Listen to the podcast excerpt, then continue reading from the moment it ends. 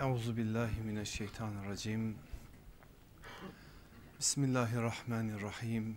Elhamdülillahi rabbil alamin. Ves salatu vesselamu ala rasulina Muhammedin ve ala alihi ve ashabihi ecmaîn.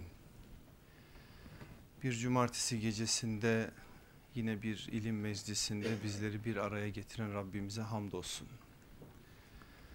Sözün hakkını, meclisin hakkını, konunun hakkını, her şeyden öte imanın hakkını ödeyebilmeyi Mevla bizlere kolaylaştırsın. Önemli bir bahse bugün misafir olacağız. Önemli bir konu ihtilaf meselesini nübüvvet melteminin rehberiyetinde anlamaya çalışacağız. Tabi nübüvvet medresesi başında Allah Resulü aleyhissalatü vesselamın olduğu kutlu bir medrese. İşin sadece teorisiyle ilgilenmeyen bir medrese. Sadece bazı şeyler kürsülerde, kitaplarda, muallimlerde ya da talebelerde, rahlelerinde kalmayan bir mesele, bir medrese. Ne konuşuluyorsa orada hayata intikal eden bir örnekliliği var. Belki de bizler için elbette birçok alanda bu manada bize mesajlar verir o kutlu medrese ama bizler için herhalde burası çok önemli olsa gerek. Çünkü itiraza mahal bırakmayacak şekilde yaşanmış bir hayatın üzerinden ideal kulluk çizgisinin ne olduğunu bize gösteren bir medrese. İşte o medresenin kutlu talebelerine biz sahabe diyoruz. Adı sahabe, tadı radıyallahu anhum ecmain. Bunu hiçbir zaman unutmayalım. Bu ifade sadece onların değer ve kıymetlerini ortaya koymak için söylenmiş bir ifade değil. Allah onlardan razı olmuş, onlar da Allah'tan razı olmuş.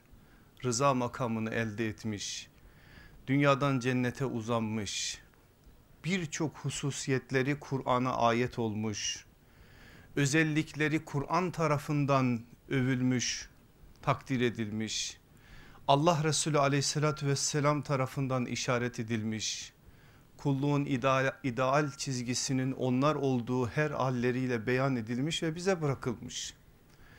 Bugün biz ümmet olarak ve insanlık olarak aslında bu nebevi sedaya ve sese her geçen günden daha fazla muhtacız.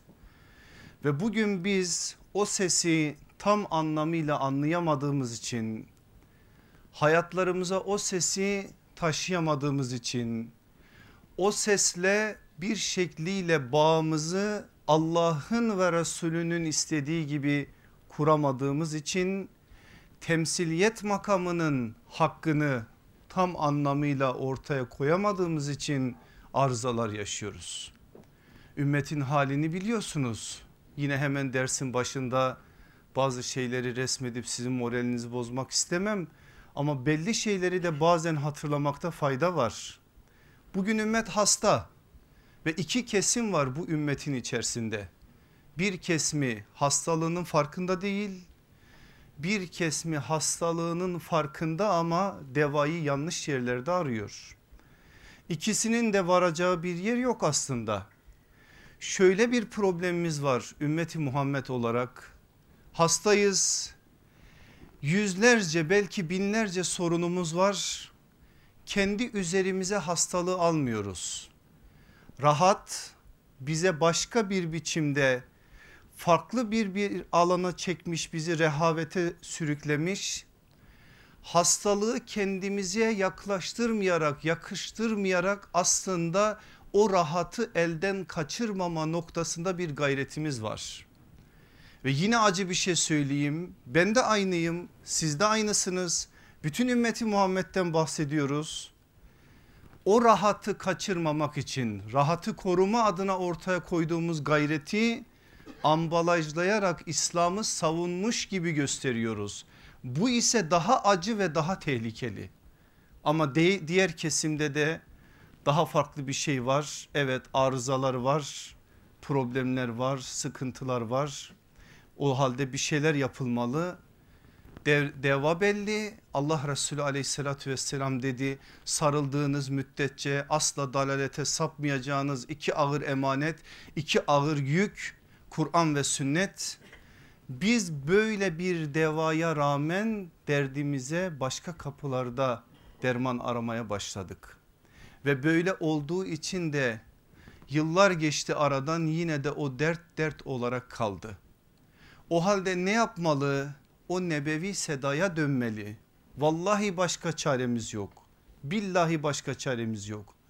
O nebevi sedaya dönmeli. Medresetül Mustafa'nın sallallahu aleyhi ve sellem yeniden talebeleri olmalı.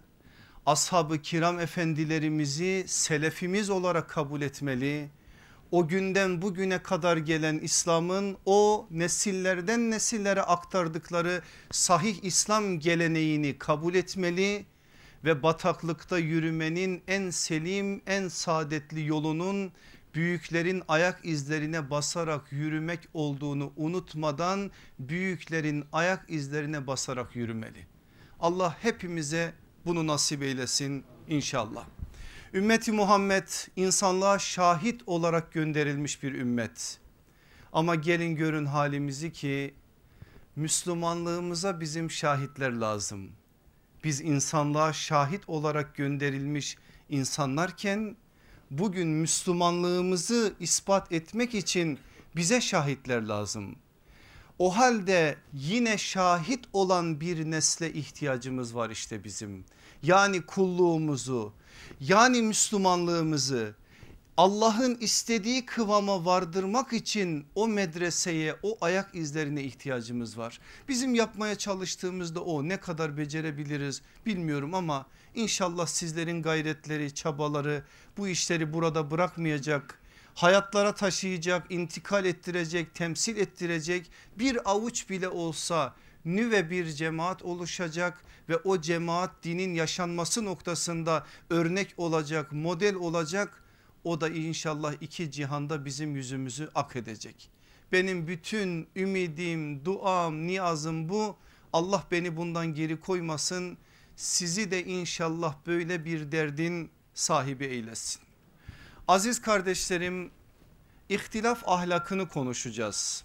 Dersimizin serlefası ihtilaf rahmet, tefrika zahmet. Aslında iki hafta önce bu konumuzdu. Ama nasip olmadı Cenab-ı Hak ne tayin etmişse biz de ona uymak zorundayız. İki hafta bu, önce bugün kayınbabayı Rahim Rahman'a yolcu ettik.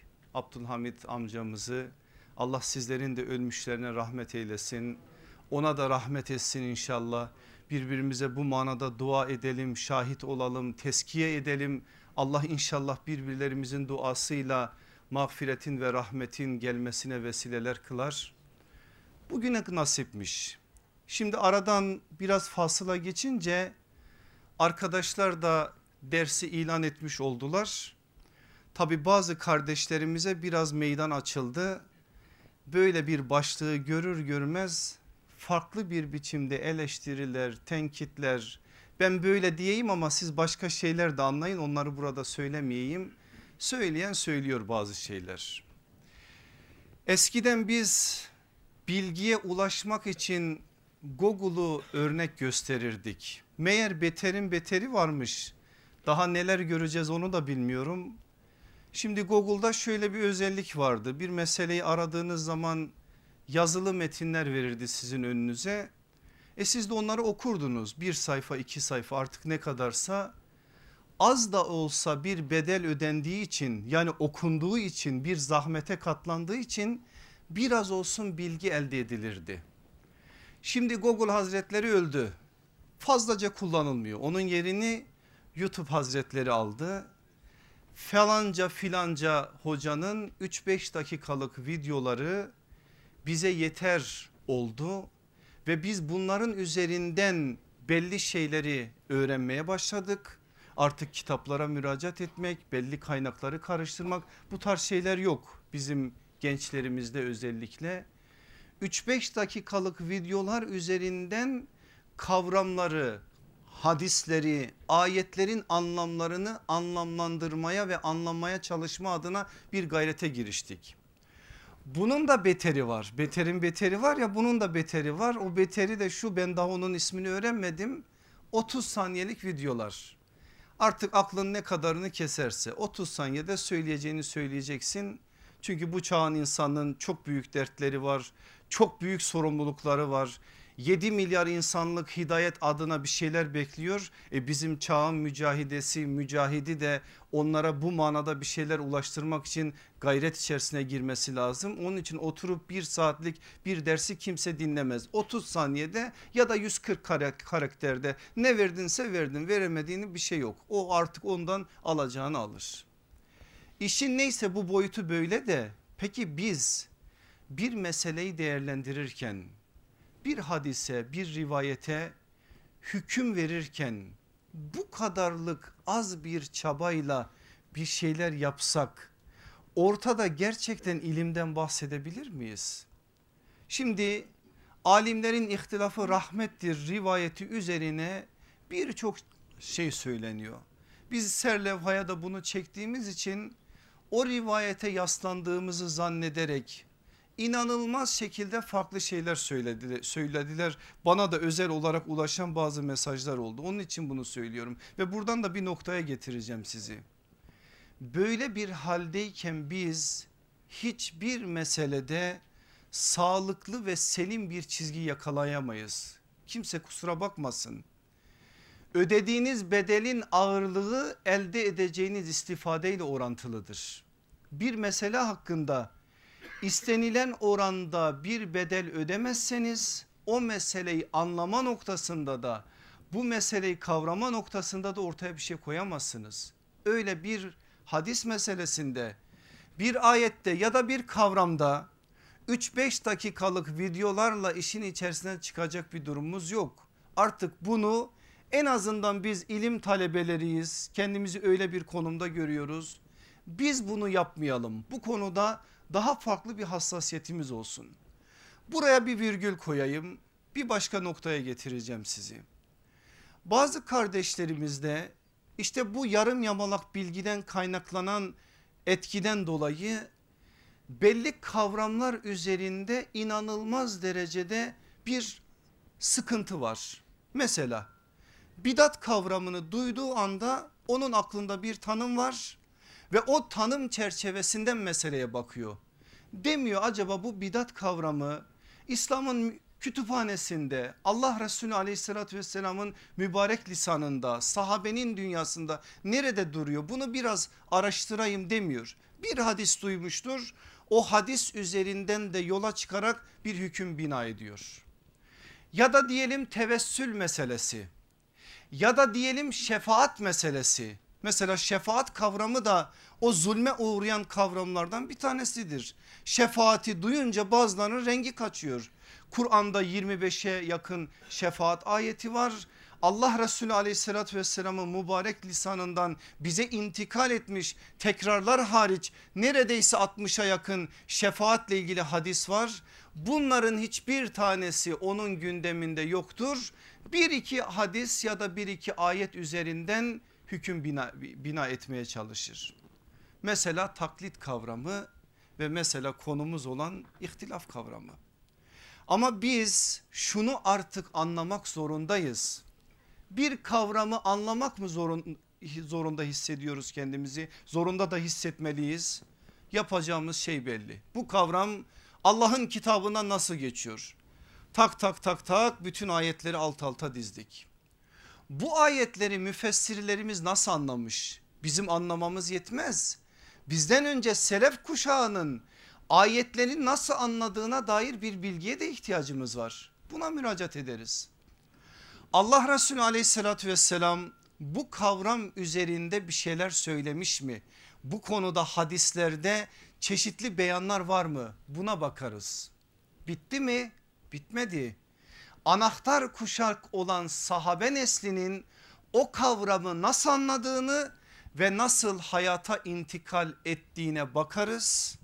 Sonra müştehit ulemanın toplu bir biçimde bunları değerlendirdiğini unutmadan onların bu konudaki görüşlerine müracaat ederiz. Sonra nihai bir hükmü ortaya koymuş oluruz. E hocam sen çok uzattın diyeceksiniz ama ben ne yapayım yolu bu. Eğer öyle yapmazsak cımbızla çekeriz bir tane ayet bir tane hadis. Çoğu hadis de çekmez sadece bir ayet çeker. Bir ayet çekeriz o ayette kullanılan anlam üzerinden bir kavrama anlam ithal ederiz. Yani biz ona aslında anlam giydiririz ama inanın o anlam ne muradı ilahiyi ne de Allah Resulü aleyhissalatü vesselamın o kutlu beyanlarını yansıtır bize. İşte biz eğer ihtilaf meselesini benim söylediğim şu çerçevede anlamış olsaydık ihtilaf rahmet mi zahmet mi meselesinde hüküm bina etmeden önce biraz daha dikkatli olurduk. Bu çerçevede elde ettiğimiz veriler noktasında hareket ederdik. Şimdi söz buraya geldiği için bununla alakalı bir hususa daha dikkatlerinizi çekeyim. Her dilde olduğu gibi Kur'an'ın lisanı olan Arap dilinde de müteradif ve müşterek kelimeler vardır. Ne demek müteradif? Eş anlamlı. Müşterek ney? Çok anlamlı. Ne farkı var? Farkı biliyorsunuz biraz hadi konumuz Türkçe olsun. Türkçe üzerinden anlamaya çalışalım. Eğer eş anlamlıysa lafızlar başka anlamlar aynı. Aynı da nüanslar var yani ince ayrıntı farklar var o ayrı bir mesele ama birbirine yakındır. Eğer müşterekse yani çok anlamlıysa lafız aynı manalar farklı. Ne gibi? Mesela baş. Eş anlamlısı nedir? Kafa. Mesela siyah. Eş anlamlısı nedir? Kara. Ak, beyaz gibi. Al, kırmızı gibi ila ahir. Gelin mesela müteradife eş anlamlıya mesela baş kelimesinin Türkçe'de ondan fazla anlamı vardır. Siz şimdi her gördüğünüz yere baş dediğiniz anda kafa yazarsanız o cümleden tam anlamıyla istifade etmiş olur musunuz? Olmazsınız. Yine mesela dil kelimesi Türkçe'de çok anlamlı yani lafzı müşterek olan bir kelimedir. Biz dil der demez ne anlıyoruz? Ağzımızın içinde bulunan organ anlıyoruz. Ama bir de Arap dili var, Türk dili var. Bakın lisan anlamında da kullanıyoruz. Bunun gibi onlarca şey söyleyebiliriz. Daha somut bir örnek vereyim. Mesele daha iyi anlaşılsın ve zihninize otursun. Bundan sonra kavramlar üzerinden giderken bu bilgilere ihtiyacımız var. Meydan ne anlama gelir Türkçe'de? Saha, geniş alan. Taksim Meydanı, Kadıköy Meydanı, Yeni Kapı Meydanı biliyorsunuz bunları. Bakın Türkçedeki deyimlere en az 30 tane farklı anlamı vardır meydanın. Şimdi biz meydanı her gördüğümüz zaman alan saha yazarsak eğer o anlamı daraltmış oluruz ve anlamamış oluruz. Anlamadığımız bir tarafa o cümleleri de orada söylenen mesajı da deyimleri de ne yapmış oluruz? Sıkıştırmış ve sıkıştırmış ve anlamsızlaştırmış oluruz. Mesela meydan almak başka bir anlam. Meydan aramak başka bir anlam. Fırsat kollamak anlamında. Meydan bulamamak. Meydan birine kaldı. Buradaki meydan bizim bildiğimiz meydan mı? Elbette ki değil. Meydan kalmamak bambaşka bir anlam mesela meydan okumak. Bakın oradaki meydan okumak aldı cümleyi farklı bir anlama götürdü. Meydan vermemek, meydana atılmak, meydan atmak, meydan çıkarmak, meydana çıkmak, meydan dökmek, meydana gelmek, meydan getirmek, meydana koymak, meydana sürmek, meydana meydan vurmak, meydanda bırakmak uzatın uzatın 30'dan farklı anlam göreceksiniz. Bu Türkçe'de varsa eğer Kur'an'ın lisanı olan Arapçada da var. Öyleyse eğer biz bir kavram üzerinde bir anlam adına çaba vereceksek bu manada söylenenleri asla göz ardı etmememiz gerekir. Yoksa kalkar ilk aklımıza gelen anlamı veririz anlamı daraltırız ve orada bize söylenen asıl mesajdan mahrum oluruz. Bu bilgiler içerisinde gelin ihtilaf kavramına.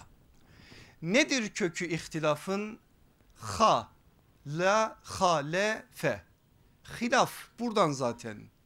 Kur'an içerisinde çok zengin bir kullanıma sahip. Half, halfe, mutaahhir, halife, hilafet, helaif, hulefa, ihtilaf, muhtelif, muhalefet ve daha onlarca kavram kelime aynı kökten. Kur'an'da 130'a yakın bu köke ait kullanım var. Bunların hepsini özellikle de ihtilaf meselesindeki ayetleri alt alta geldi, getirip okuduğunuz zaman siz ihtilafın ne olduğunu anlıyorsunuz. Peki ne anlam veriyorlar sözlüklerimiz hilaf köküne? Dikkat edin karşı gelmek, aykırı davranmak, zıtlaşmak, farklı düşünmek, farklı tavran, davranmak, tartışmak, çekişmek, görüş ayrılığına düşmek. Tanımlara dikkat ettiniz mi bilmiyorum ama iki farklı uç var aslında. Bir tarafta kötü yani menfi bir tarafta müsbet. Mesela karşı gelmek belki menfi olarak anlaşılabilir. Ama farklı düşünmek menfi değildir müsbettir. Zıtlaşmak menfidir ama farklı davranmak menfi değildir müsbettir. Onun için alimlerimiz Allah hepsinden ebeden razı olsun. İhtilafı ikiye ayırmışlardır. Caiz olan ihtilaf, caiz olmayan ihtilaf. Müsbet ihtilaf, menfi ihtilaf bu manada birbirinden ayırarak ele almışlardır. Bir kısmına muteber ihtilaf bir kısmına ise muteber olmayan ihtilaf denmiştir. Dolayısıyla biz bunları kaçırırsak eğer işte ihtilaf meselesini tam olarak anlamamış oluruz. Aslında bir rahmeti ilahi olan ve muradı ilahi olan ihtilaf meselesinden tam anlamıyla istifade etmemiş oluruz. Yoksa gerçekten ihtilaf rahmettir bizler için. Ama bu kadar insanız burada. Hepimiz birbirimizin aynısı mıyız? Hayır şekillerimiz ayrı, dillerimiz ayrı, kabilelerimiz ayrı, kavimlerimiz ayrı. İçinizde Türk var, Kürt var, Laz var, Çerkez var, Arap var. Her renkten, her kavimden insan var. Rabbimiz bizleri böyle yarattı. Ne için? O ihtilaf taarrufa yani tanışmaya yani meraka zemin olsun diye eğer hepsi bir fabrikadan çıkmış gibi olsaydı insanlar birbirleriyle niye tanışsınlar? Niye birbirlerini merak etsinler? Niye birbirlerini tanıma noktasına gayret göstersinler? Dolayısıyla biz eğer ihtilafı muteber olan ve muteber olmayan, müsbet olan ya da menfi olan, caiz olan ya da caiz olmayan olarak ayırmazsak eğer ne Kur'an'ın mesajlarını ne de aleyhissalatü vesselam efendimizin o kutlu beyanlarını tam anlamıyla anlamış oluruz. Şimdi benim aziz kardeşlerim muteber ihtilaf nedir? Asıl üzerinde durmamız gereken ve cevaplamamız gereken soru bu. 8 tane kısaca cümle vereceğim size. Bakın 5 değil 10 da değil bu sefer 8. 8 tane tanım üzerinden muteber ihtilafın anlamına ait bir şey yakalayacağız. Neymiş bunlar? Bir, ihtilaf nimettir. İki, ihtilaf lezzettir. Üç, ihtilaf zenginliktir. Dört, ihtilaf güzelliktir. Beş, ihtilaf hakikattir. Altı, ihtilaf imkandır. Yedi ihtilaf zarurettir. Sekiz birileri gocunsa da başka yerlere çekse de ihtilaf rahmettir. 8 tane tanım elde ettik ama başlığını ne koyduk? Muteber ihtilaf dedik. Müsbet ihtilaf dedik. Caiz olan ihtilaf dedik. Şimdi bunların farkına ait de bazı şeyler söyleyeceğiz. İhtilaf nimettir. Ne için? Eğer ihtilaf olmasaydı farklı farklı şeyler elde edilmeseydi bu zenginlik ortaya çıkmasaydı bu manada bir merak oluşmasaydı biz nasıl bu manada birbirimizden daha fazla istifade edecektik? Ulema yüzlerce meselede ayrı ayrı görüşler ortaya koydular. Bizim için nimet değil mi bunlar? Belki bazıları bunları zahmet olarak görebilir ama bizim için inanın ki nimettir. Tek düze olsaydı ve biz o ihtilafla uğraşmasaydık birbirimizi yerdik. Ama şimdi biz onunla uğraşıyoruz. Onunla bu manada meşgul olarak aslında hakikat yolculuğumuzu farklı bir kanaldan devam ettiriyoruz. Bize lezzet oluyor, zenginlik oluyor, güzellik oluyor, hakikat oluyor, imkan oluyor, zaruret oluyor ve rahmet oluyor. Eğer biz müsbet manada anlarsak bu manada ihtilafı böyle bir neticeye ya da böyle bir anlamlar manzumesine bizi vardırıyor. Ancak biz İslam toplumları olarak ümmeti Muhammed olarak ümmeti Muhammed'in de bir parçası olarak bu memleketin insanları olarak bu kavramların anlamlarını daralttığımız için ihtilafı bu manada anlamıyoruz ve her türlü ihtilafı bir yönüyle sıkıntı olarak görüyoruz. Böyle olunca da müsbet ihtilafın reddi gibi bir konuya gelip dayanıyoruz.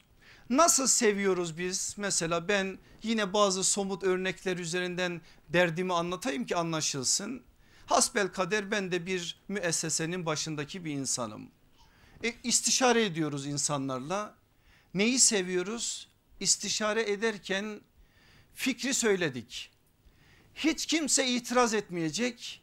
Herkes noter gibi evet efendim olur efendim tabi tensip, nasıl tensip buyurursanız efendim sizin dediğiniz gibidir efendim vardır bunun bir hikmeti efendim deyip bizi tasdiklesinler diye hoşumuza gidiyor.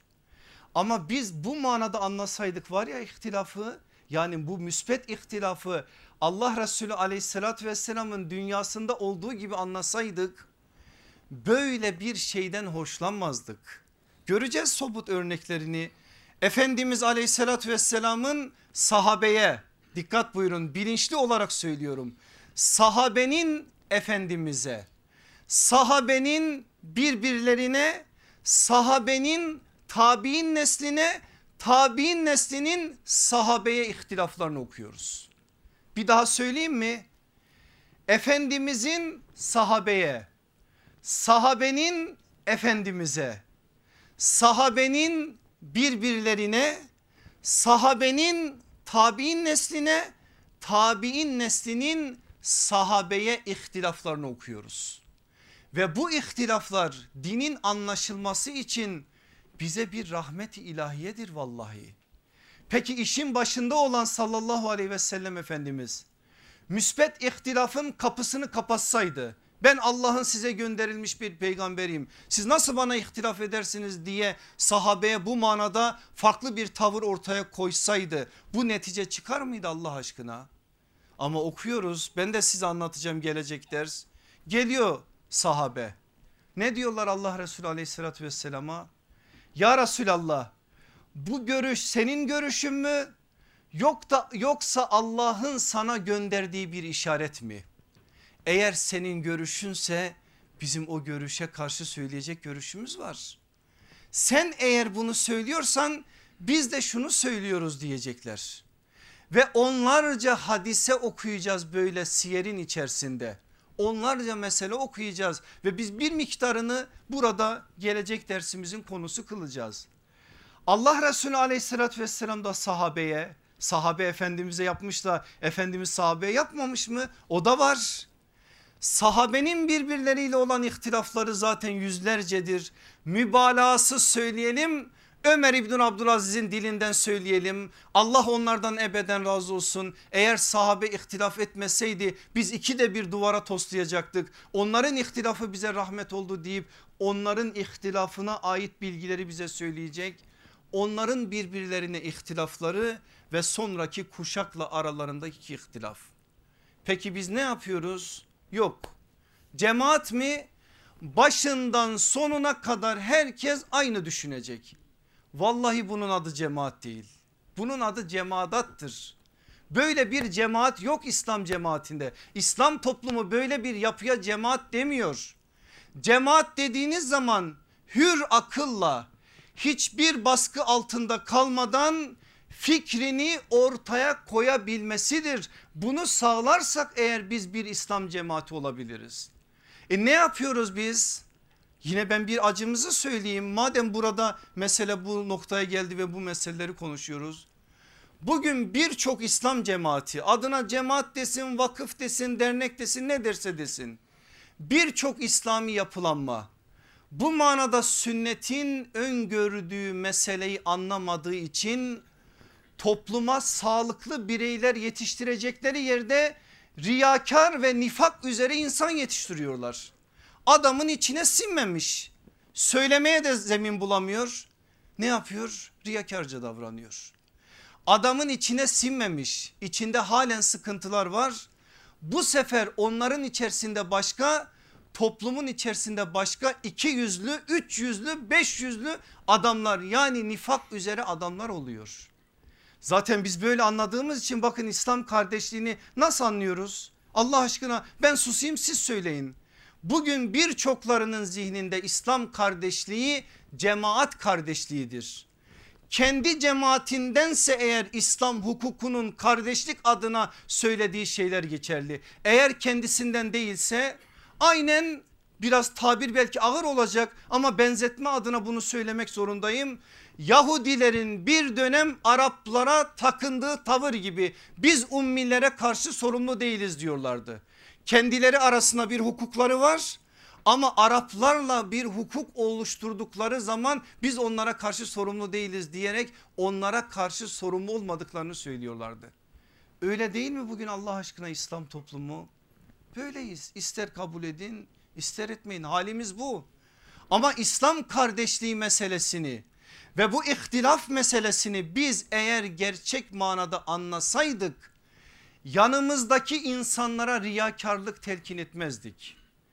Adam gibi usulüne uygun usulüne şimdi göreceğiz. Buna dair yaslanarak hür bir biçimde fikrini söyler istişarede tartışılır karar neyse o karar alınır. Ondan sonra da iş biter. Artık istişareden sonra alınan karardan sonra iş eve bile taşınmaz. Hanımlara bile söylenmez. Kulis yapılmaz orada alınan karar neyse o kararın gereği yerine getirilir ve bu konuda atılacak adım ne ise o atılarak sağlıklı bir İslam cemaati oluşturulur. Ama biz bunu sevmiyoruz. 10 kişi 10 sene önce yola çıkmışız. Bir fikir üzerinde anlaşmışız. 10 sene sonra o 10 kişi 10 tane cemaat olmuş. 10 tane grup olmuş. Sonra onlar da ayrılmış. Mitoz bölünme öyle gidiyor ki maşallah onda bereket var. Hiçbir şeyde bereket yok ama onda bereket var. Habire ayrıla ayrıla ayrıla ayrıla sayısız bir noktaya gelmişiz. Neden? Hep ayrılanlar mı suçlu? Bir bunu sorgulamamız lazım. Acaba içimizden bir arkadaş Allah vermiş bir zeka. Farklı bir anlayışı var. Meselelere farklı bakıyor biraz böyle meseleleri değerlendirme noktasında umumdan ayrı bir noktada bu insan biraz farklı düşündüğü için biz onun o ihtilaf etme hakkını elinden aldığımız için mi gitti? Yoksa gerçekten biz ona alan açtık o kendisini ifade etti gelişti fikirlerini özgürce dile getirdi de buna rağmen mi gitti? Evet ikisi de olabilir adam teveccühü nasa kapılabilir bazı şeyler hoşuna gider o yola girebilir. Ama iki taraflı sorgulanması gereken bir meseledir. Benim aziz kardeşlerim müsbet ihtilafın kapısını kapattığımız andan itibaren biz sağlıklı bir İslam cemaati olamayız. Neden mi?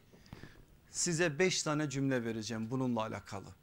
Çok önemli şeyler bunlar. Zaman ilerliyor ben asıl ihtilaf ahlakını anlatacağım size. Onun için bunu biraz hızlı geçip o asıl noktaya getireceğim sözü. Ama bu noktada da bu beş cümlenin biraz sizler tarafından irdelenmesi gerektiğini altının biraz doldurulması gerektiğini size söyleyerek emanet ediyorum. Bir müsbet ihtilafın reddi kardeşlik hukukunu zedeler. Bunu hiçbir zaman unutmayalım. Bir daha söylüyorum. Müsbet ihtilafın reddi kardeşlik hukukunu zedeler. Eğer biz o müsbet ihtilafı kabul etmezsek gerçek manada kardeşlikten bahsedemeyiz. Her insanın farklı düşünme hakkı vardır. Nereye kadar? Nasıl? Onu ahlakında göreceğiz. Ama şimdi hakkı konuşuyoruz. Hak noktasında böyle bir hak sahibi olduğunu söylüyoruz. Onun için dedik ki müsbet ihtilafın reddi kardeşlik hukukunu zedeler. İki müsbet ihtilafın reddi müsamaha ve hoşgörüyü ortadan kaldırır. Müsbet ihtilafı reddederseniz müsamaha da olmaz ortadan. Şimdi birisi fikrini söylüyor. Niye renkten renge giriyorsun? Sen söylerken iyi o da söylesin. Kabul etmek zorunda değilsin ama bırak adam rahatça söylesin. Neyse içinde söylesin.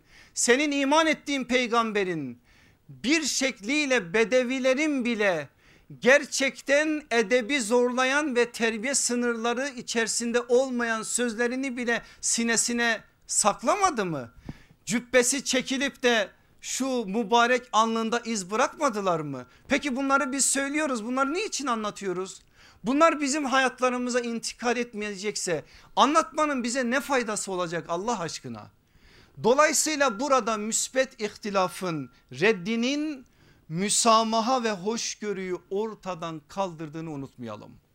Üçüncüsü müsbet ihtilafın reddi fikirlerin ve projelerin derinleşmesini engeller.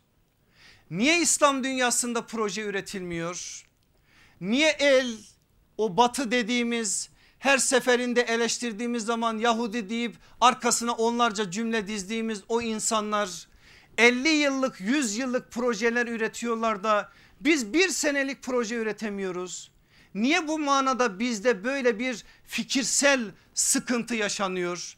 Neden bu manada problem yaşıyoruz? Bundan dolayı bırakmıyoruz ki fikirler derinleşsin, insanlar konuşsun, tartışsın, belli meseleler iyice masaya yatırılsın, önü arkası bir şekliyle iyice hesap edilsin, gelebilecek tehlikeler ortaya konsun, ona göre savunma mekanizmaları gelişsin ve ortaya fikirler çıksın. Ben yine bir derdimizi söyleyeyim size benim aziz kardeşlerim. Dertleşiyoruz ben başka yerde bunlar rahat rahat konuşamıyorum burada konuşuyorum. Adamlar 50 yıllık projeler üretiyorlar ve o projelerini A, B, C, D artık nereye kadar gidiyorsa alternatifli üretiyorlar. Olur ki bir tane proje çözülürse yani bir şekliyle o stratejileri ifşa e, olursa hemen ikinci devreyi ortaya koyuyorlar. Ve biz aslında o çözülen projeyle uğraşırken onunla oyalanırken atı alan Üsküdar'ı geçiyor. 250 senedir Osmanlı'nın o sıkıntılara uğradığı günden şu günümüze kadar İslam toplumlarının hali böyle değil mi? Hepsini bir tarafa bırakın. Bütün meseleler bir tarafa gelin kendi eğitim alanımızı talim ve terbiye sahamızı ele, al, ele alalım. Hangi vakfın derneğin cemaatin 50 yıllık bir eğitim programı var. Olanı duyar, duyarsanız olanı bilirseniz bana söyleyin gidip onların ellerini ve ayaklarını öpelim ve takdir edelim ve tecrübelerinden faydalanalım. Yok böyle bir şey. Biz devleti tenkit ediyoruz devleti eleştiriyoruz ama kendi İslami kurumlarımızda bile talim ve terbiye alanında biz devletten daha perişan bir haldeyiz. Bugün okutuyoruz yarın değiştiriyoruz. Bugün bir şey yapıyoruz bakıyoruz ki fayda yok. Bir ertesi gün başka bir şey okuyoruz. Başka yerlerde benim oğlum bina okur döner döner yine okur. Aynı şeyler okutup okutup duruyoruz. Fayda nasıl ne alacak ne verecek bu manada herhangi bir şeyi sorgulamıyoruz. Dolayısıyla bakın ihtilaf olmadığı için müsbet ihtilaf tam anlamıyla ortaya konmadığı için fikirler düşünceler derinleşmiyor ne yazık ki içimizde. Dördüncüsü müsbet ihtilafın reddi gelişmeyi ve ilerlemeyi durdurur. Bunu izah etmeye gerek var mı? Halimiz belli. Asıl beşincisine dikkat edin. Yine halimizi resmedecek bu. Müsbet ihtilafın reddi bölünmeyi ve tekviri yaygınlaştırır. Bugün ümmetin geldiği nokta bu. Bakın birbirimizi tekfir ediyoruz. Birbirimizin imanlarını sorguluyoruz. Kendi imanlarımıza sahip çıkma gibi bir gayretimiz olması gerekirken elimizde kim verdiyse bazı kıstaslar var. Bir iki mesele o bir iki mesele üzerinden çok rahat kafir, münafık, fasık o kadar rahat ki Müslümanın dilinde şimdi bu kelimeler bunları söylüyoruz. Niçin?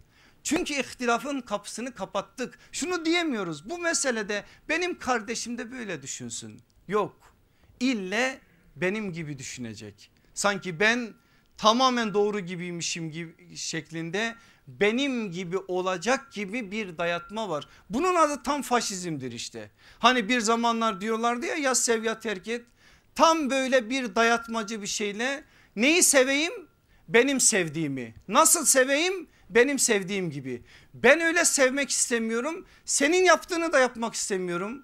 O halde senin yaşama hakkın yok. İşte bunu bugün dayatıyor birileri İslam dünyasındaki İslam dünyasının mazlumlarına. Öyle olduğu için tekfir çok kolay. Adam öyle bir Müslümanlık çizmiş ki kafasında onun çizdiği Müslümanlığa göre 100 tane Müslüman yok bugün 1 milyar 700 milyon içerisinde 100 tane Müslüman yok. İşin garibini de söyleyeyim size o 100 tane Müslüman yan yana gelseler var ya bir ay sonra 50'ye düşecek bir ay sonra 25'e düşecek ve böyle böyle böyle en son kendisi kalacak. Fıkra olarak anlatıyorlar ama hakikat var. En son kendisi kalınca aynanın karşısında sen de az kafir değilsin deyip kendini kendisini tekfir edecek. Böyle bir mantık işte bugün İslam dünyasında işliyor. Neden? İhtilafı tam anlamıyla anlamadığımız için. Ama anlasaydık işte bu müsbet ihtilafı tekfir bizim azığımız olmazdı. Bu manada Allah Resulü aleyhissalatü vesselamın kutlu beyanlarını anlar. Onun bunun imanıyla değil kendi imanımızla uğraşırdık ve kendi imanımızı koruma adına bir gayret içerisinde olurduk. Allah bu ufku bu sünnet üzere yaşamayı yani Müslümanca düşünme ve Müslümanca yaşama olan sünnet üzere yaşamayı bizlere nasip eylesin. Aziz kardeşlerim şimdiye kadarki bahisler hep mukaddimeydi dersem kızar mısınız bana? Vallahi öyleydi ancak mukaddimeyi bitirdik. Asıl konumuza gelelim ama hızlı geçeceğim. İhtilaf ahlakı, müsbet ihtilafın ahlakı nedir? Nasıl olmalıdır? Beş tane ilke veriyorum.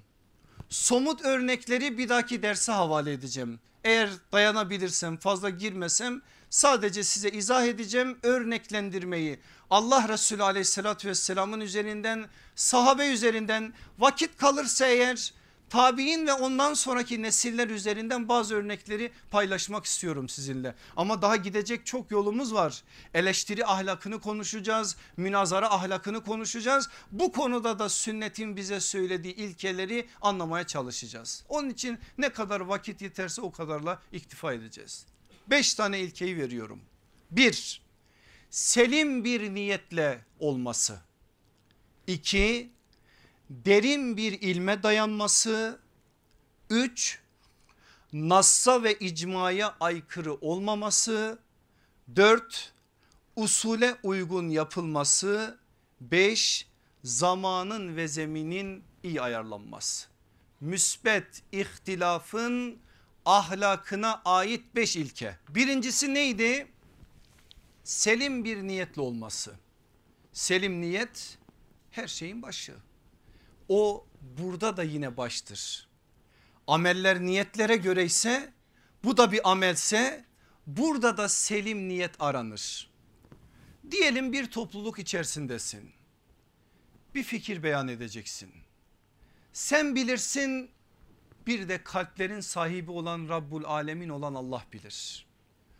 Orada dile getirdiğin düşünce ihtilaf ediyorsun ya ihtilaf ettiğin şey gerçekten işin sağlıklı bir noktaya gelmesi için mi yoksa aykırı düşüneyim şöyle başka bir görüş ortaya koyayım dikkatleri üzerime çekeyim ne akıllı adam desinler diye üzerimde bazı nazarları yoğunlaştırayım bu fikri ortaya koyarak belli menfaatler elde edeyim falancanın gözüne gireyim filancanın gözünden çıkayım uzatın gitsin eğer bu maksatlarsa onda hiçbir fayda yok. Arapların çok güzel bir atasözü var. Halif turaf derler. Muhalefet et, şöhret ol. Böyle bir hastalık var biliyor musunuz? Mesela adam bay muhalefet. Ne desen söyleyecek bir sözü vardır. Ne desen muhalefet edecek bir şey vardır. Bu da değil. Bakın ihtilafın ahlakından bahsediyoruz. Evet söyle sonuna kadar söyle kapı açık sana ama söylerken serin bir niyetle söyle. Söylediğin şeyi Allah için mi söylüyorsun Allah rızası için mi? O söylediğin şeyin arkasından başka bir mülahazan hesabın yok değil mi? Sen bu meseleyi gerçekten içselleştirerek söylüyor ve dile getiriyorsun. Kapı sana ardına kadar açık. Ama başka bir niyetle söylersen taltif alabilirsin, alkış alabilirsin, ganimet alabilirsin, menfaat elde edebilirsin. Ama kusura bakma ahirette avucunu yalarsın. Çünkü bunu bize söyledi sallallahu aleyhi ve sellem Efendimiz. Öyleleri gelecek vadiler dolusu sevapla geldiğini zannedecek hesap defterleri açılacak içinden hiçbir şey çıkmayacak. Müslim'de geçen bir hadisi aleyhissalatü vesselam efendimizin okuyoruz biz. Neden? Çünkü Rabbimiz için değil. Kimin içinse Rabbimiz diyecek ki git ondan al. Muhalefet de öyledir. Bunun testini yapabilirsin kendin. Mesela bir hafta önce Müslümanlarla beraber olduğun bir mecliste bir görüş ortaya koydun. Dedin ki şöyle olsun. Bir hafta sonra geldiniz aynı mesele konuşuluyor. Senden önce bir başka kardeşin aynı görüşü söyledi. Sen nasıl benim görüşümü söylersin diye bir hafta önce söylediğin görüşe şimdi sen aykırı davranıyorsun. Niyetin selimiyeti yok ortada. Sen söylemişsin ben söylemişim fark eder mi? Eğer gerçekten yürekler Allah için çarpıyorsa önemli olan o işin ortaya çıkmasıdır. Ben sen meselesi değil velev ki fikir benim bile olsa ben söyledim sen aldın kullandın senin ananın sütü gibi sana helal olsun. Önemli olan o iyiliğin o güzelliğin ortaya çıkması değil miydi? Allah unutacak mı zannediyorsunuz? Kullar unutur ama Rabbul Alemin olan Allah unutmaz. Onu kaydetti senin defterine. Zaten mesele o değil mi?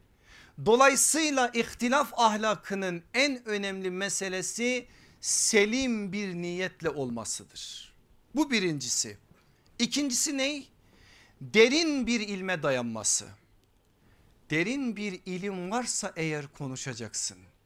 Bakın bunu mes meseleyi sadece İslami ilimler ya da farklı bir biçimde dinle alakalı meseleler olarak anlamayın. Her meselede böyledir.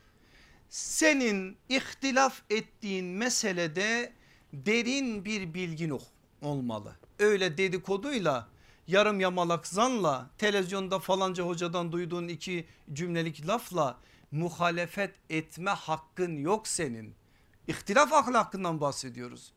Madem söylenmiş bir söze karşı bir şey söyleyeceksin değil mi? Dağ gibi bir hakikate yaslanmalısın. Arkanda ilimden kaynaklanan bir hakikat olmalı ki söylediğin o sözde rüzgardan gelince bir rüzgar estiği zaman etkilenmeyesin. E sen onu yarım yamalak bir şeyin üzerine bina edersen biri bir üfürür sen de gidersin senin o fikrin de gider.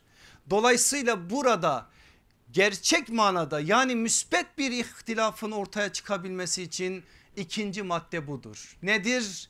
Derin bir ilme dayanması. Üçüncüsü ney?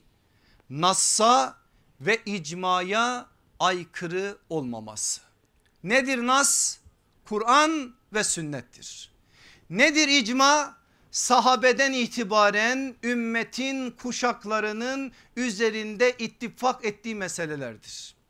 Şimdi sen bir şey söylediğin zaman buna dikkat etmek zorundasın. Buna dikkat etmezsen eğer senin söylediğin ihtilaf olmaz kusura bakma onun adı tefrik olur. Bir örnek verirsem daha iyi olur bu meseleyi anlayabilmemiz için. Bir mesele düşünün 14 mesele asırdır 14 kuşaktır ümmet bu mesele hakkında aykırı bir şey söylememiş.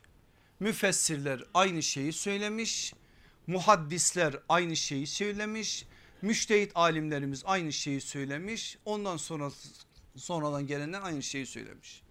Şimdi geliyor bir beyimiz, bir hocamız, bir üstad artık neyse konumu diyor ki ben böyle düşünmüyorum. Nasıl düşünüyorsun? Şöyle düşünüyorum. Daha somut bir örnek versem kızar mısınız bana ama anlaşılsın.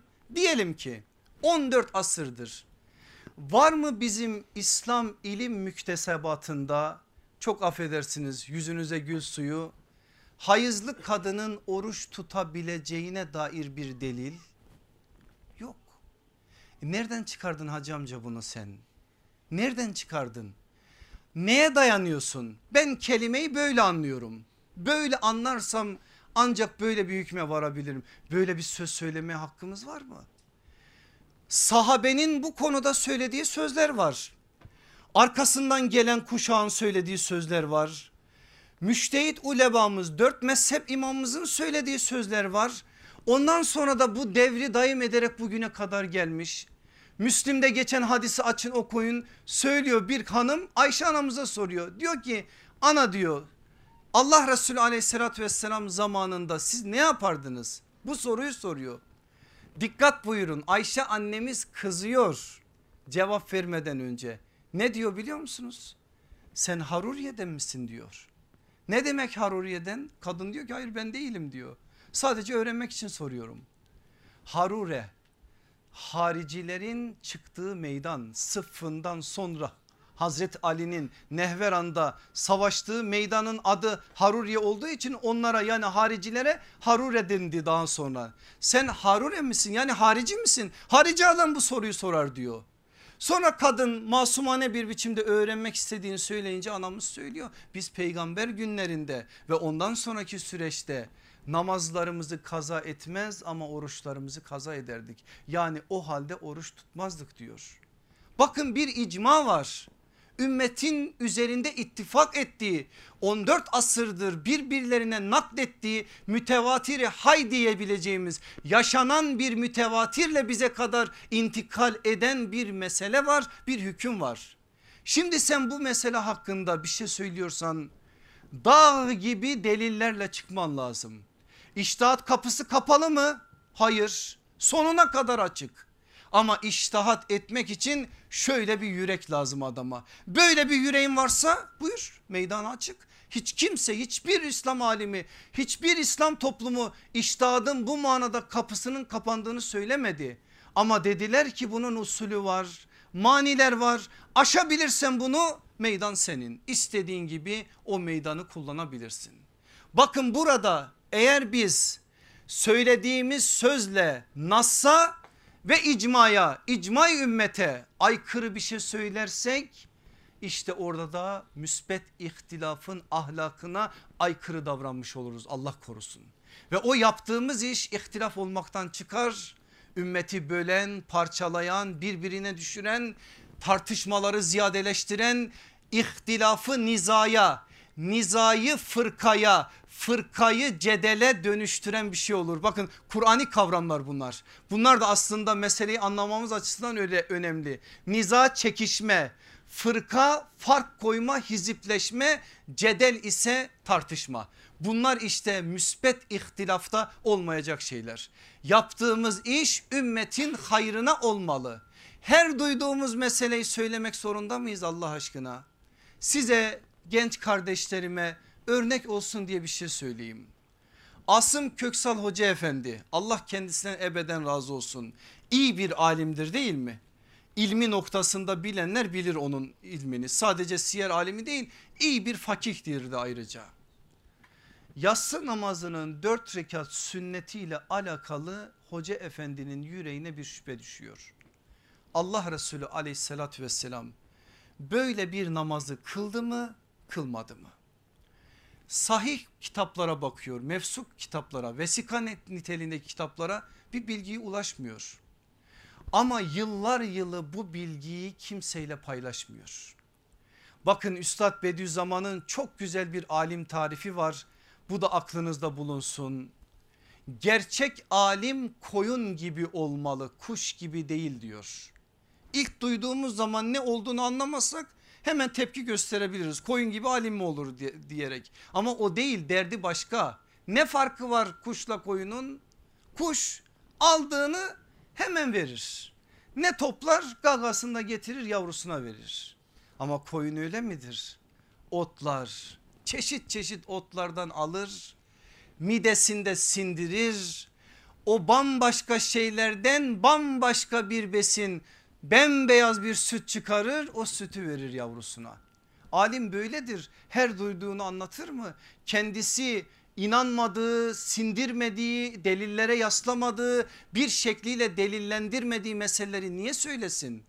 Burada işte söylenen bu. Bu manada bir bedel ödensin, arkasında durulsun, belli bir biçimde belli şeyler yerli yerine oturduktan sonra insanlara söylensin. Yani delilleri gerçekten sağlam, sahih olduktan sonra söylensin. İşte Asım Köksal Hoca Efendi yıllar yılı söylemiyor Sonra yatsı namazının ilk dört rekat sünnetiyle alakalı belli bilgilere ulaşıyor. Yıllarca araştırdıktan sonra sonra bunu bir hatıra olarak bizimle paylaşıyor. Kendi hatıratında var bakmak isteyenler oradan bakabilirler. Dolayısıyla bu manada hemen o anda aklına gelen bir şeyi söylemiş olsaydı belki başka insanları yanlış yerlere sevk edebilirdi. Ama bedel ödedi bu manada Nass'a, icmaya, ulemanın bu konudaki iştihadına hatta örfe, örf de önemli bir şeydir çünkü şeriatta örfe de aykırı bir şey olmama adına bir gayret içerisine girdi. Attığı adımla müsbet ihtilafa zemin hazırladı tefrikaya ise kapıyı kapattı. Dördüncüsü usule uygun yapılması. Usul ne ise o usul çerçevesinde hareket edilmesi. Müslüman adam usule uygun hareket eden adamdır. Bizim menhecimiz var. Menhec olmak zorunda. Usuldür bu. Her ilmi disiplinin kendi içinde bir usulü var. Tefsir usulü var, hadis usulü var, kelam usulü var, var da var. Ama bir de hareket usulümüz var. Mesela biz Rabbani bir davanın mensubu olduğumuzu iddia ediyoruz. Tamam davamız Rabbani kullandığımız vasıtalar da Rabbani mi? Menheç de Rabbani mi? Test edeceksin. O manada bir usul olmalı. Senin yaslandığın bir usul olmalı ki o usul çerçevesinden hareket edesin. Dolayısıyla müsbet ihtilafın ahlakının dördüncü ilkesi budur. Yaptığın eylediğin her şey o mensup bulunduğun usul çerçevesinden gitmeli. Eğer öyle olmazsa Allah korusun usule aykırı davranırsın ve yanlış işlere sapabilirsin. Beşincisi zamanın ve zeminin iyi ayarlanması. Mesela bir şey söyleyeceksin. Delilin güçlü evet gerçekten orada ihtilaf etme hakkın var. Bakacaksın zaman müsait mi? Zemin müsait mi? Bazen haykırmak orada farklı arızalara sebebiyet verebilir. Bunu göz ardı edeceksin. Göz ardı etmeden hareket edeceksin. Eğer sen zamanı ve zemini düşünmezsen söylediğin söz doğru olabilir ama zemin doğru olmadığı için Allah korusun yanlış şeylere sebebiyet verebilirsin. Şimdi biz özellikle genç arkadaşlar belli zamanlarda haykırmanın çok iyi bir iş olduğunu söylüyorlar. Ben de öyle söylüyorum. Haykırmak güzel bir şey. Ama şu kardeşinize sorsanız haykırmak mı zor yoksa susmak mı sükunet mi? İnanın bazen sükunet sessizlik haykırmaktan daha zordur. Bir şey söyleyeceksiniz söylemek zorundasınız karşınızda bir yangın var. Bir şeyler ters gidiyor. Herkes iyi gittiğini zannederken Allah size açmış o manada bir bilgiyi siz farklı bir biçimde meselelere farklı bakıyorsunuz. Umumun baktığı gibi değerlendirmiyorsunuz. Siz başka bir şekilde değerlendiriyorsunuz. Ama o anda haykırmak, o anda çıkmaz sokak demek, o anda yanlış demek başka arızalara sebebiyet verecek. O zaman ne yapacaksın? İhtilafın ahlakı. Dişini sıkacaksın, dudağını ısıracaksın. Kendi kazanacaklarına kaybedeceklerine takılmadan ümmetin hayrına diyeceksin. İslam'ın hayrına diyeceksin. Sükunatı yüreğine taş bağlayarak kendini azık olarak edineceksin. Sen böyle anladığın zaman o zaman anlarsın susmak mı zor konuşmak mı?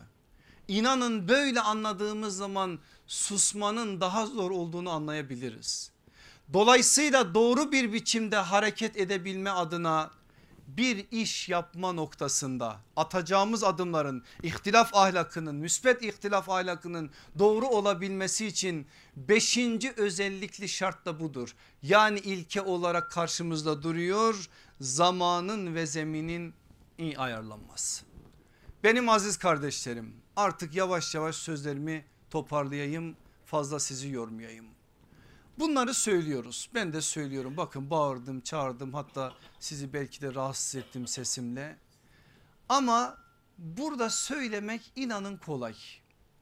Asıl mesele var ya şuradan dışarıya çıktıktan sonradır.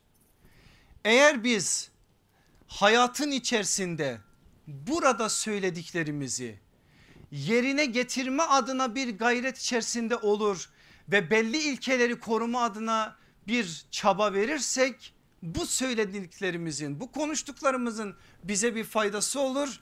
Toplumsal anlamda da ümmetimize bir faydası olur.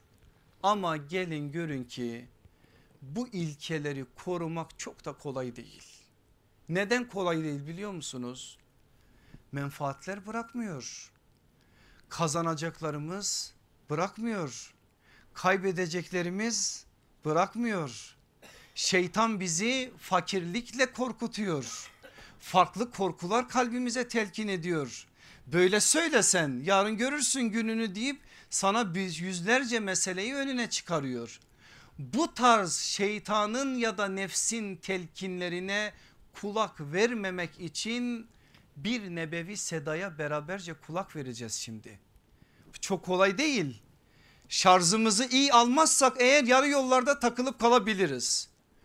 Dolayısıyla bu manada dünyevileşmemek için bütün bu saydıklarımızın varacağı nokta dünyadır. Yani dünyevi menfaatlerdir. Yani ganimet hırsıdır. Yani elde edeceğimiz kazançlardır. Bütün bunlara la diyebilecek imana erebilmemiz için Allah Resulü aleyhissalatü vesselamın biraz sonra size aktaracağım o sözüne şöyle kayıtsız ve şartsız bir biçimde teslim olup gereğini yerine getirme adına da bir kamet ortaya koymalıyız. Allah önce bana sonra size nasip eylesin. Aziz kardeşlerim nakledeceğim rivayet Bukhari'de geçen bir rivayet. Rivayeti bize nakleden Hazreti Ali kerremallahu veçe. Bukhari'de geçen rivayet mefkuf bir rivayet olarak geliyor. Ne demek mefkuf rivayet? Yani Allah Resulüne ulaşmıyor. Sahabede takılıyor. Efendimiz aleyhissalatü vesselam da söylemiş olabilir. Sahabenin sözü de olabilir. Dolayısıyla biz bu tarz rivayetlere mevkuf rivayet diyoruz. Ama aynı rivayet 2-3 cümle ziyadesiyle bidayetinde 2-3 cümle ziyadesiyle Heysemi'nin affedersiniz Ebu Nuaym'ın hilyesinde de geçiyor. Hilye'de geçen Hilyetül Evliya'da geçen Ebu Nuaym'ın o güzel eserinde geçen rivayet ise merfudur. Yani Allah Resulü aleyhissalatü vesselama nakledilen ona ulaşan bir rivayettir. Ben ikisini de aktaracağım çünkü ikisinde de özellikle cümlelerin başlarında farklılıklar var. Daha doğrusu ziyadeler var alacağımız çok önemli dersler var. Bukhari'de geçen rivayet şöyle. Hazreti Ali diyor ki dünya arkasını dönmüş gidiyor. Ahiret ise yönelmiş geliyor.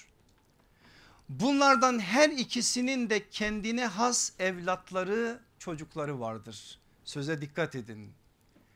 Sizler ahiretin evlatları olun. Sakın dünyanın evlatları olmayın. Zira bugün amel var hesap yok. Yarın ise hesap var amel yok. Söz muhteşem bir söz. Ama muhteşem olduğu kadar da insanın sırtına omuzlarına yük yükleyen bir söz. Bir daha söylüyorum. Diyor ki Hazreti Ali Bukhari rivayeti. Dünya arkasını dönmüş gidiyor. Ahiret ise yönelmiş geliyor. Bunlardan her ikisinin de kendine has evlatları çocukları vardır. Sizler ahiretin evlatları olun sakın dünyanın evlatları olmayın. Zira bugün amel var hesap yok yarın ise hesap var amel yok. Bugün dünyadaki mücadele bu iki evlatlar arasındadır. Bir tarafta ahiretin çocukları var inşallah siz biz onlardanız. Bir tarafta da dünyanın çocukları var. İşte dünyanın çocukları olan ahiretin çocuklarını anlamazlar.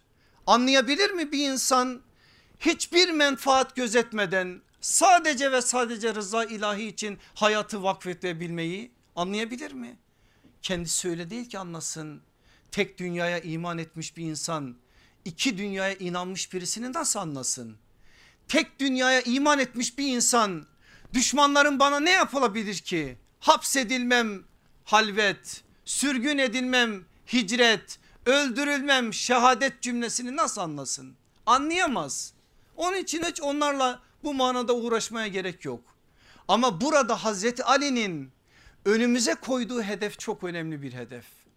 Gerçek manada ihtilafın ahlakına uygun bir biçimde davranmak dünyaya evlat olanların yapabileceği bir iş değildir. Ancak ve ancak ahirete evlat olanlar bu işin üstesinden gelebilirler. Rabbim hepimizi onlardan saysın inşallah.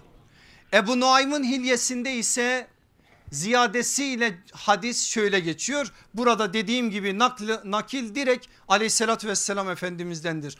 Efendimiz buyuruyor ki sizin için en çok korktuğum iki şey tuli emele yani hiç ölmeyecekmiş gibi dünya adına planlar yapmaya düşmeniz ve hevaya nefsiniz için isteklere uymanızdır.